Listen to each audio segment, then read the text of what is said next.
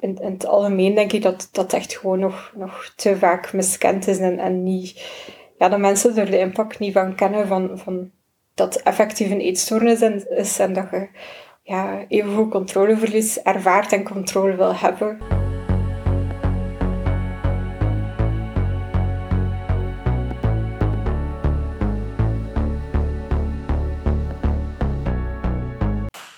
Hallo iedereen, welkom bij alweer een nieuwe podcast. Deze week hebben we weer een gast bij ons. We hebben een getuigenis um, over binge eating, want dat is ook het thema deze maand. Zou je jezelf een keer willen voorstellen, zeggen wie dat je bent, wat dat je doet? Uh, ja, ik ben uh, Margot. Um, ik ben 25 jaar en ik heb uh, gestudeerd zowel als opvoedster als als florist. Um, en ik heb al sinds 2019 de diagnose van binge eating disorder. Oké, je zegt het zelf van sinds 2019 de diagnose. Klopt het dan, Margot, dat ik nu interpreteer van het was daarvoor wel al langer bezig, of hoe moet ik het dan zien? Ja, zeker. Ik heb eigenlijk uh, ontdekt door mijn therapie dat ik al eetbuien had van sinds dat ik kind was. Um, maar het is eigenlijk wel uh, heviger geworden in, ja, ik denk 2018, 2019, dat dat echt wel heel veel tot uiting is gekomen. Ik heb altijd eetbuien gehad en moeilijkheden met eten en eten, diëten, zoals gekend meestal. Um, maar dan is het echt wel heel veel tot uiting gekomen. Ja. Wanneer heb je dan de diagnose gekregen? Of heb je dat zelf gemerkt? Of hoe ben je daar uitgekomen dat dat was? Um, ik heb eigenlijk uh, bij toeval um, de uh, documentaire van de, Durf te Vragen gezien op tv, waar dat er uh, een onderwerp ging over eetstoornissen. Daar kwam er ook een meisje aan bod die dat had. En ik dacht direct, amai, ik herken dat, ik heb dat. Um, ik ben daarmee naar mijn huisarts geweest. Uh, en zij heeft mij dan doorverwezen naar, uh, ja, naar een organisatie die, die zowel met psychologen als diëtistes werkt. En dan ook naar een uh, psychiater doorverwezen. En het is eigenlijk die de diagnose gesteld hebben toen. Ja, oké. En zou je jezelf een keer kunnen meenemen in jouw verhaal over het binge-eating? Zo dat je zo zelf dingen die je gemerkt hebt of dingen die moeilijk waren voor jou. Misschien dingen dat je wilt delen, dat je zegt van ja, dat zou mij geholpen hebben om het te herkennen. Of dat zou mij geholpen hebben in het proces. Ja, gewoon al, al weten dat het bestaat. Dat was al, al een eerste. Dus wat jullie doen, vind ik super uh, ideaal eigenlijk. Om uh, allee, meer... Um, ja, meer herkenning en erkenning zo wat, wat te krijgen daar rond. Um, en ook wel denk ik dat er uh, bijvoorbeeld huisartsen of eerste lijnshulp in het algemeen daar ook wel meer van weet. Dat zij ook wel de signalen kunnen herkennen. En natuurlijk zou het wel fijn zijn als de omgeving ook wel wat mee is in die signalen. Maar ja, ik doe dan eigenlijk toch nog iets meer op gespecialiseerde hulp dan. Uh, ja. Ja. Oké. En als je zegt van wat meer mee zijn, is dan dat je bepaalde opmerkingen hebt gekregen die niet oké waren van, van hulpverlening? Of... Ja, ja, enorm. Um, ik sukkel zelf ook heel erg met mijn gezondheid. En um, ik, kan het echt bijna... Ik, ik vind het zo frappant. Um, kan ik bijna niet opnoemen hoeveel opmerkingen ik krijg over mijn gewicht. het is precies of dat al mijn gezondheidsklachten daardoor komen. en heel veel aan heel veel opmerkingen zie je ook dat ze het gewoon niet begrijpen. Ik zeg dat altijd op voorhand als ze beginnen over mijn gewicht. Van kijk, um, mijn gewicht is heel veel veranderd de laatste jaren. Um, dit komt door mijn eetbuisstoornis en toch blijven ze hameren op. Je moet afvallen en je moet diëten en je moet... Allee, je bent niet gezond door gewicht, terwijl ik echt niet vind dat gezondheid gelijk staat aan gewicht. Ja, ik denk ook dat heel veel lotgenoten dat zouden kunnen herkennen, dat dat gewoon constant zo die opmerkingen zijn. Hoe ga jij daarmee om? Want je kunt dat ook niet zomaar uitschakelen, je kunt dat niet voorkomen dat mensen dat zeggen, maar hoe ga je daarmee om dat dat niet super dicht bij jou komt? Eerlijk gezegd heb ik daar nog altijd wel moeilijk mee, omdat dat, ja, dat zit zo in onze maatschappij en in onze gedachte van de dieetcultuur en iedereen moet het mooie, perfecte lichaam hebben. Ehm, voor mij komt dat zelf ook eigenlijk nog altijd heel dichtbij. Maar ik heb wel geleerd om dat te zien als dat is hun stuk en niet mijn stuk. Um, zij hebben daar misschien ook wel een, een bepaalde gedachte of problemen rond. En dan wordt dat geprojecteerd op mij. Maar probeer dat dan wel zoiets meer van mij af te zetten of los te laten. Of toch gewoon um, minder hard te laten binnenkomen. En sowieso bespreken met, met anderen hè, die het wel begrijpen, met omgeving of met, met psychologen, met diëtistes, uh, met hulpverlening in het algemeen. Zo. Ja, echt mensen die het wel het begrip ervoor hebben, want ja, we hadden al gezegd eigenlijk in onze vorige podcast van er hangt ook nog heel veel schaamte rond natuurlijk als het gaat over eetbuien. En inderdaad, die erkenning is soms moeilijk te vinden. Um, iets wat ik heel vaak hoor in de praktijk, en ik weet niet of jij daar ook last van hebt gehad, is dat mensen het ook soms zo gaan bagatelliseren bijna. Dat ze zo zeggen, maar ik heb dat ook een keer een eetbui, dat is toch niet zo erg. Ik zie je echt al vertrekken als ik het zeg eigenlijk. Nee, ja, dat klopt, dat klopt. Um, ik heb zelf ook gemerkt dat dat heel vaak niet begrepen wordt als je dat uitlegt. Dat heel veel mensen dat ook um, toeschrijven aan gewoon te veel eten. Terwijl dat echt zo, zoveel meer is dan dat. Um, ik wil het niet vergelijken met, met andere eetstoornissen, maar toch... Um, bij binge eating zijn er evenveel restricties, zijn er evenveel eetregels, zijn er evenveel angsten. een even moeilijk lichaamsbeeld. Um, zoveel dingen die eigenlijk gelijkaardig zijn. Mijn diëtisten heeft eigenlijk ook ooit gezegd dat eigenlijk alle eetstoornissen in C van binnen gelijkaardig zijn, maar dat gedrag gewoon anders is. En dat vind ik dat nog te weinig erkend wordt in, in de maatschappij, omdat zo, ik weet niet, eten en, en gewicht is nog zo'n beladen thema. Heel veel mensen struggelen daarmee en daardoor wordt dat eigenlijk niet aanvaard. Zo. Het is rap gezegd, stop gewoon met eten, maar ja. Iets een beetje minder. Ja, ja, ja iets een beetje minder inderdaad, maar het is, het is echt zoveel meer dan dat. Ja. Wel, wat ik ook vaak hoor, is dat mensen soms zo goed bedoelde tips geven, zoals van, maar koop het dan gewoon of haal het gewoon niet in huis. En dan, ja, sorry dat ik het moet zeggen, maar dan denk ik altijd, ah, is dat de tip? Amai, nooit aan gedacht. Ja, maar moest dat de tip zijn, denk dat we allemaal verlost zouden zijn. Oh, ja. Van onze problemen al sinds. Um, en zelf in het algemeen, um, ik dacht dat zelf in het begin ook, heel veel denkfouten van, eh, ik ga dat gewoon niet in huis halen, dan, dan gebeurt dat niet. Maar hoe meer dat ik eigenlijk restrictief dacht, hoe meer dat, dat in mijn eetbuien naar boven kwam. Um, ik ben aan het bingen eigenlijk op, op al mijn verboden lijstjes. Ik heb eigenlijk nu wel geleerd dat, dat um, eenmaal dat je klaar bent voor dat proces, dat het eigenlijk wel aangenaam is om verschillende keuzes in huis te hebben. En allee, ik woon nu alleen sinds oktober. Ik heb ook die verandering gemaakt van ik ga dat gewoon in huis halen. En sommige dingen liggen daar al maanden zonder dat ik er eigenlijk echt cravings naar heb. Het is echt, allee, je kunt er meer van genieten, denk ik, als je leert hoe dat je ermee om moet gaan. Oké. Je hebt ook al een paar keer gezegd van ik leef nog heel hard in de restrictieve soms. Heb je daar ook tips voor over mensen dat dat ook aan het doormaken zijn? Um, echte tips weet ik niet zo goed, maar ik vind wel dat dat op een bepaald moment in je proces uh, verandert. Um, dat je echt wel, wel moet leren omgaan met die denkfouten en, en dagelijks daar um, toch wat proberen in te gaan in mate van het mogelijke natuurlijk. En eenmaal dat je, ja, dat je door hebt dat het eigenlijk niet helpt om restrictief te zijn, dan voor mij dan persoonlijk lukte het beter om, om toch vrijer te eten. Het is wel, ik heb elke dag nog de gedachten van, oh, ik zal dat beter niet eten, of dat is geen goed idee, maar ik weet dat dat daarna zich uit in een eetbui. En een eetbui is altijd veel slechter dan gewoon allee, dat product eten op dat moment. Dus ja. ja.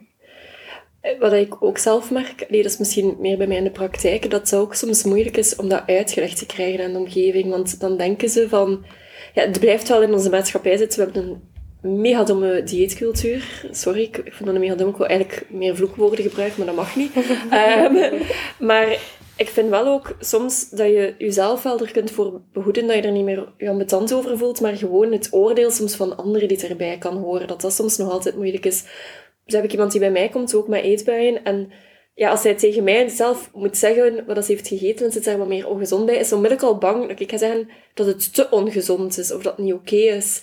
En dan denk ik zo van, ja, maar dat is één, niet mijn taak om te oordelen, maar ik denk dat dat vaak komt ook door de maatschappij. Is dat iets dat jij tips in hebt, zodat je daarmee kan omgaan? Want inderdaad, we kunnen het loslaten, maar het blijft wel verdomd moeilijk. Mhm. Ja, moet eerst en vooral zeggen dat ik dat wel heel hard herken. Ja. Ik heb ook ehm, een keer voor een arts mijn eetpatroon moeten bijhouden voor een bepaalde lichamelijke klacht. En die heeft mij op dat moment ook heel hard zitten shamen van uh, frietjes en McDonald's in dezelfde week, dat kan toch niet? En zo heel... Allee, ja, ja, ik vind dat ook. Ik vind dat ook. Ik was, ik was allee, ongelooflijk in shock ook na, na die doktersafspraak. Ehm, maar allee, dat is, ja, dat is ongelooflijk. Maar ik ben nu wel ondertussen even kwijt wat dat Dat is geen probleem, dat is geen probleem. Ik ga ook zelf moeten nadenken, zo erg is het. Uh, nee, hoe dat je daar eigenlijk dan mee omgaat. Omdat dat wel iets is dat heel vaak gebeurt, dat mensen echt het gevoel hebben van wij mogen commentaar geven, maar dat komt wel heel hard binnen. Dat je zegt, je was er even wel van in shock. Maar hoe ga je daar dan mee om, dat je niet terug in die denkfouten terechtkomt? Want ja. ze zitten bij veel. Ja, zeker. Voor mij het grootste is eigenlijk erover praten. Um, het delen met anderen, omdat ik op die manier ook wel kan zien dat effectief denkfouten zijn. Um, dat dat ook um, allee, maar een oordeel is van een andere persoon. Tussen haakjes dan maar. En, en ja, dat je je eigen proces daar niet voor mocht laten beïnvloeden. Het is echt uw proces dat centraal moet staan. En ik vind dat je dat vooral voor ogen moet hebben. Maar zeker erover praten. en u ook ja, voor mij persoonlijk helpt het ook wel om mij meer te omringen dan met mensen die het wel begrijpen. En proberen, zeker als het, als het echt in uw dichte omgeving is, gewoon die, die mensen die het niet begrijpen los te laten. Of toch alleszins gewoon... Op een um, afstand te houden. Ja, ja, en ook niet per se sommige mensen... Allee, iedereen zijn eigenheid. Hè. Ja. Oké, als jij daar, daar zo over denkt, maar ik denk daar niet zo over. En agree to disagree op dat moment. Um, en dan bedoel ik ook niet, niet altijd dat je de mensen moet loslaten, want sommige mensen zijn nu wel allee, belangrijk in je leven, maar dat je ook wel ja, probeert afstand gewoon te nemen van de commentaar op dat moment. Ja. Ik, ik, weet wel niet zo goed welke praktische tip of zo dat ik daarbij kan geven. Maar, maar ik denk dat er niet echt een praktische tip is. Ik ben aan het denken, ik heb zelf in mijn omgeving, waar ik weet van, als ik daar bepaalde dingen mee ga delen, weet ik gewoon van, ga ik reacties krijgen die mij eigenlijk soms dieper duwen dan als ze mij er bovenop helpen. En dan weet ik bijvoorbeeld bij bepaalde mensen van, ik weet dat ik dat gewoon niet met je moet bespreken. Mhm. Dat ik weet dat ik de foute feedback ga krijgen. Dus mhm. Denk dat dat een beetje meer op die manier is. Of als ik dat fout zie, mag je mij ook nee, gerust nee, zeggen. zeker. Dat bedoel ik inderdaad. Zo, ik, ik ben ervan overtuigd dat sommige mensen gewoon het niet in een persoonlijkheid hebben om, om er op de juiste manier mee om te gaan. Ik vind natuurlijk wel dat je altijd wel respectvol moet blijven. Um, maar probeer dat dan ook te aanvaarden dat dat gewoon met die persoon niet gaat lukken. Ja, het is een beetje like dat ik daar juist zei. Iedereen zijn eigenheid, iedereen zijn eigen gedachten. Um, zolang dat maar respectvol blijft. Je zegt ook al wel van zo die mensen wat vermijden of het er niet tegen zeggen. Maar een heel groot deel van ons leven is ook online, ook met sociale media. En er is het veel moeilijker om die negatieve reacties eruit te filteren. Hoe ga je daarmee om met zo de negatieve dingen dat daarop komen? Ja, ik heb wel um, op een bepaald punt de stap genomen om eigenlijk alle triggerende accounts te ontvolgen. Of, of uh, bepaalde mensen die, die ja, mij nog volgden op sociale media of omgekeerd, die mij eigenlijk niet zo gelukkig maakten, heb ik ook ontvolgd. En dat alleen al was zo'n grote stap, um, dat je gewoon in, in alle... Allee, beperkt dan alle veiligheid op sociale media wel, wel kunt aanwezig zijn. En ik ben dan ook wel een aantal accounts beginnen volgen die mij wel inspireren, die mij wel positieve moed geven. Um, maar in het algemeen um, merk ik wel natuurlijk nog altijd, zelfs op die inspirerende accounts dat ik volg, dat er nog altijd heel veel haatreacties komen en heel veel mensen die het niet begrijpen. Maar ik probeer mij dan vooral um, te focussen op de mensen die het, wel begrijpen. en dan, ja, het toont gewoon aan dat er echt nog veel ruimte is voor verandering. Dat er heel veel mensen um, misschien ook die reactie niet zouden geven als er, als er meer info over weten. Dus net daarom vind ik het belangrijk om het wel allee, openlijk te blijven bespreken. En, en gewoon in het algemeen mentale gezondheid, maar ook zoveel andere onderwerpen gewoon bespreekbaar te maken. Ik denk dat, dat educatie al een, een startpunt is om heel veel mensen begrip bij te geven. Oké. Ja. En wat is voor jou dan zo essentiële info dat, dat je zeker wilt delen met mensen? Ook van, kijk, dat vind ik wel heel belangrijk, dat je er ook over weet, om het ergens te kunnen begrijpen of ermee te kunnen omgaan ook. Bijvoorbeeld over eetstoornissen dan? Of over, alleen ja, over binge je zelf ja. wilt delen. Um, ja, een beetje hetgene dat hier al gezegd is, in het algemeen, denk ik. En gewoon ook... Um, ja, mensen aan, aan bod laten komen die, die zelf mee struggelen, maar even um, informatie geven rond de eetstoornis, gewoon uitleggen wat dat is. ehm, in gesprek gaan met elkaar. Ik denk dat dat ook echt een belangrijk punt is. Ehm, ja. Wat ik altijd een heel belangrijke vind om te benadrukken is van, je kiest er niet voor. Het is niet een keuze van, oh, ik ga nu een keer een eetbui doen, of ik ga nu een keer uh, dat of dat doen, of die regeltjes volgen, bij wijze van spreken, maar het is iets wat je overkomt. En ik denk dat dat soms iets is wat dan nog te, te banaal wordt gezien, van, oh ja, je hebt dat jezelf aangedaan, terwijl dat het totaal niet is. Ik weet niet of je daar ooit mee geconfronteerd bent geweest, dat je zo mensen zo bijna zo u de schuld gaven dat je de, de eetstoornis hebt? Of? Ja, zeker en vast. En daar hangt echt ontzettend veel schuld en schaamte aan vast. Um, ik begon het op een duur ook echt te verbergen. Um, als ik eetbuien had, dat was nooit met iemand anders bij. Um, ik begon stiekem voedsel te kopen en zo. Allee, echt zo hele, hele gedragingen ja, richting de eetstoornis. Maar ja, in, in het algemeen denk ik dat dat echt gewoon nog, nog te vaak miskend is en, en niet, ja, dat mensen er de impact niet van kennen van, van dat effectief een eetstoornis is en dat je ja, evenveel controleverlies ervaart en controle wil hebben. Uh, ja, dan, dan de, de meer gekende eetstoornis. Zo. Ja, ja. oké. En zijn er tips die je kan geven aan mensen die bijvoorbeeld hier nu luisteren en zeggen van, ah, ik herken dit wel, zo stappen dat je zegt van dat was voor mij echt wel helpend om te doen, wat dat je dan ondernam? Ja, de allereerste stap voor mij die echt wel helpend was, was er gewoon met de juiste hulpverlening over praten.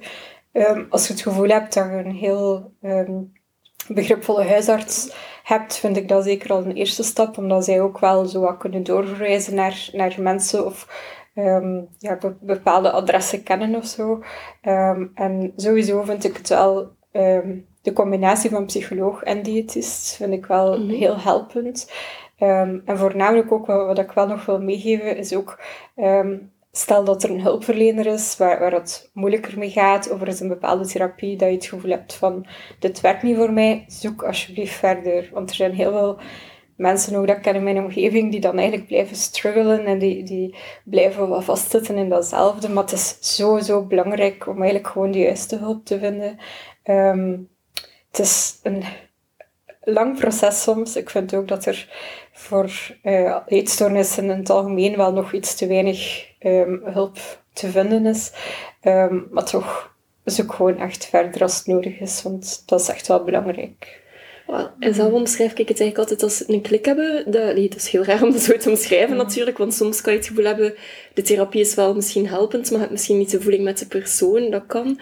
Maar heb je ook al het gehad dat je dan bijvoorbeeld bij een hulpverlener zat die zei van, ik weet wel iets over eetstoornissen of eetbuien, maar die dan toch het gevoel gaf van, maar nee, ik begrijp je niet, of is dat nooit voorgevallen? Want dat heb ik al gehoord ook. Ja, zeker wel. Ik heb vooral het gevoel dat, um, dat gewoon in het algemeen binge-eating, dat dat nog ja, ook in de hulpverlening eigenlijk te weinig gekend is.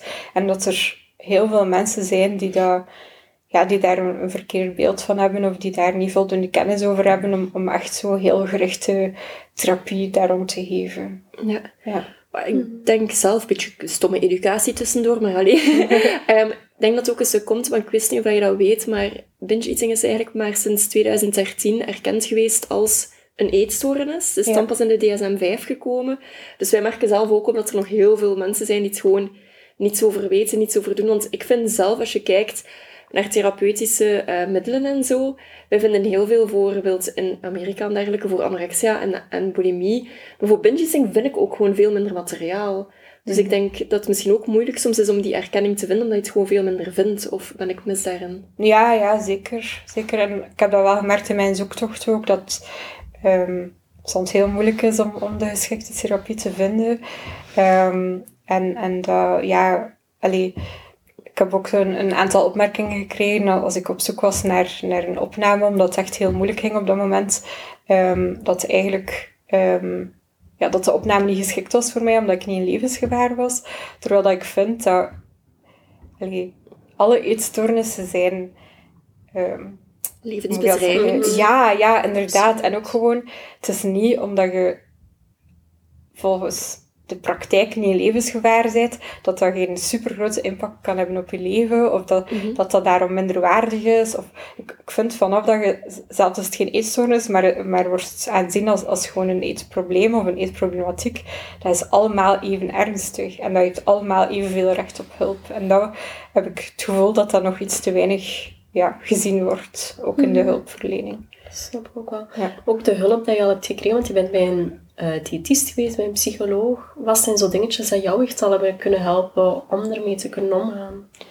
Ehm, het, het eerste wat dat mij eigenlijk meest geholpen heeft, is ehm, het onderscheid maken tussen ehm, fysieke en emotionele eetbuien. Het feit al dat ik eigenlijk zoveel restricties had, zorgde ervoor dat ik ook gewoon tegen s'avonds ontzettende honger had en daardoor eetbuien deed. Dus gewoon al door een, een meer geschikt patroon aan te nemen, heeft dat bij mij echt al ontzettend veel gestabiliseerd. En dan ehm, kunnen eigenlijk aan de slag gaan met de tweede stap. En dat zijn echt die emotionele eetbuien aan, aan, allee, aanpakken. En ehm, dat vind ik wel nog de moeilijkste stap natuurlijk, omdat daar heel veel eh, patronen en, en bepaalde denkbeelden en zo in, in naar voren Ehm, maar gewoon al, al ja, voelen dat, dat bijvoorbeeld, ik had meerdere keren per dag een, ehm, een eetbui in eh, mijn ergste periode voelen dat je bijvoorbeeld maar één eetbui meer had op een dag, of dat dat zo steeds verminderde. Dat gaf ook wel hoop dat ooit wel kon beteren. En ook vooral, wat dat voor mij ook heel helpend was, was mezelf niet altijd afstraffen dat ik een eetbui had gehad, maar gewoon het zien als een deel van mijn proces. Ehm, ja, een, opnieuw een eetbui doen of, op een andere manier eten gebruiken als coping, dat, dat hoort er gewoon nog bij in het, eh, ja, in het proces, in je herstel gewoon in het algemeen. Oké. En heb je dan zo, want ik heb zelf ook al heel veel mensen bij wie dat ik zeg van die mildheid inderdaad, zo nadat je een eetbui hebt gehad, was soms door dan heel streng te zijn, zou je terug een eetbui krijgen. Dus dat maakt het soms wat moeilijker. Maar wat dat ook is, is natuurlijk, vind ik zelf, soms dat kunnen toegeven aan jezelf van dat het oké is. Dat dat eigenlijk ook wel mag. Is dat iets wat je ook, hoe dat je dat doet, hoe, hoe dat milder daarin zijn, hoe heb je dat gedaan? Ehm, ik ben nog in het proces. Oké. Eerlijk gezegd. Eh, dat is eh, de ene moment tegen de andere. Ehm, het is echt wel, wel uw gedachten opmerken en, en opnieuw proberen formuleren. Of gewoon al de gedachten zien als... Dat is nu gedachte dat ik daarbij heb. En dat is oké. Ehm, maar ik denk dat, dat mildheid en compassie en zelfliefde... Dat dat echt, echt een, een heel moeilijk traject wel is. Ehm, dat dat lang ook is, maar dat het echt wel ook de moeite waard is om eh, uiteindelijk tot die stap te komen. Maar voor mij persoonlijk is dat ehm, een stap die er meer naar het einde van mijn proces wat bij komt. Mhm. Eh, in het begin en, en zelfs nu nog is dat wel nog een moeilijk thema. Oké. Ja. Wel, een dat ik heel vaak meegeef aan mensen, is ook gaan duidelijk maken van oké, het is een stukje uit het emotioneel. Het is ook die eetbuien die daardoor voorkomen. Maar het is soms ook beseffen dat op dat moment dat het soms het enige is wat we ook kunnen doen. Dat we nog niet weten hoe we er op een andere manier mee kunnen omgaan. En dat het ook echt oké is als dat dan gebeurt. Dus misschien is dat een kleine tip om te geven. Ja. Om ook tegen jezelf soms Zeker. te zeggen van... Het hoort er ook Ja. bij. En ook beseffen, niets is er eigenlijk zo instant als eten om je even Mhm, beter te doen voelen.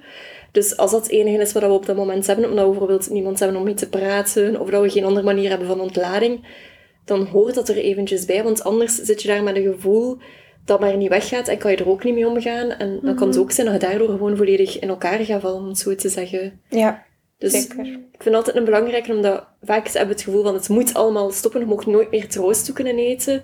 Maar eerlijkheidshalve, ik denk dat we dat allemaal ook soms een keer doen. Mhm. Daar misschien niet altijd naar een eetbui, maar we doen het wel allemaal. We gaan ook soms een keer troost daarin zoeken. Mhm.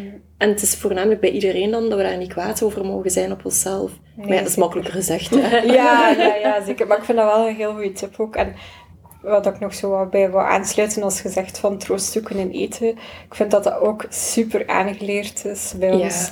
Eh, weet al, heb liefdesverdriet, geet een pot ijs, eh, Ja. kinderen wenen, leg ze aan de, aan de fles of aan de borst of zo.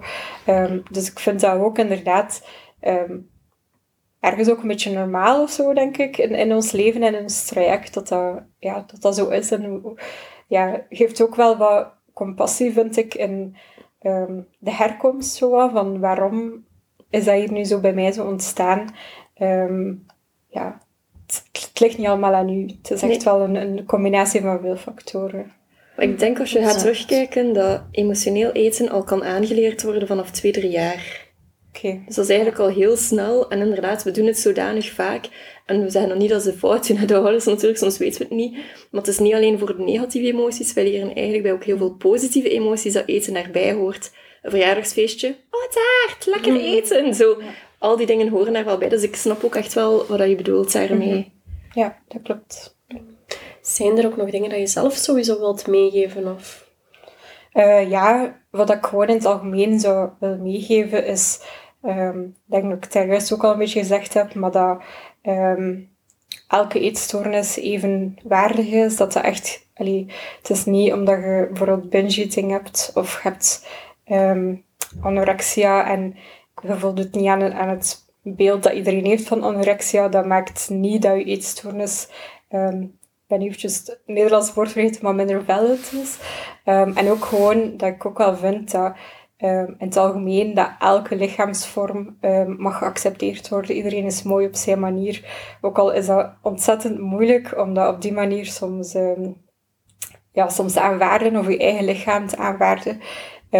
ik vind echt dat, dat, ja, dat het mag om jezelf te zijn en, en je lichaamsvorm, dat dat ook echt ja, mooi is en, en, en aanvaard mag worden, ondanks hoe het nu op dit moment is.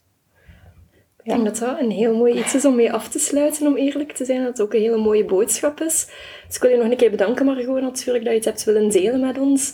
En ik hoop dat we misschien ook andere mensen toch zo hebben, ja, misschien wel erkenning kunnen geven, of herkenning. Dus ik denk dat het wel een heel mooi iets is dat je dat gedaan hebt. Dus echt waar, dank u daarvoor. Ja, ja jullie ook. Geen probleem. En dan natuurlijk voor jij die aan het luisteren bent, uh, volgende week, niet straks, volgende week, sorry, uh, gaat er natuurlijk terug een getuigenis online komen waar dat je naar kan luisteren en hopelijk ook die erkenning in kan vinden. Dus ik hoop dat je er iets aan hebt gehad. En we, ja, we zien je graag dan, of we horen, luisteren. Man, kan niet meer praten. graag volgende week. Dag!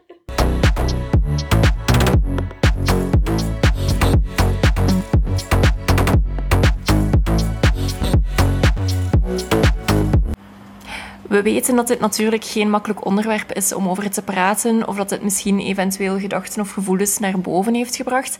En daarom willen we je echt eraan herinneren dat je ook ergens terecht kan. De mensen van AWEL staan eigenlijk altijd klaar om je verder te helpen. Het kan zijn een belletje of via de chat, maar je kan ook natuurlijk altijd bij ons terecht um, op de vrijdagavond als je vragen hebt of ergens mee zit. Dus je bent zeker niet alleen en vergeet dat ook niet.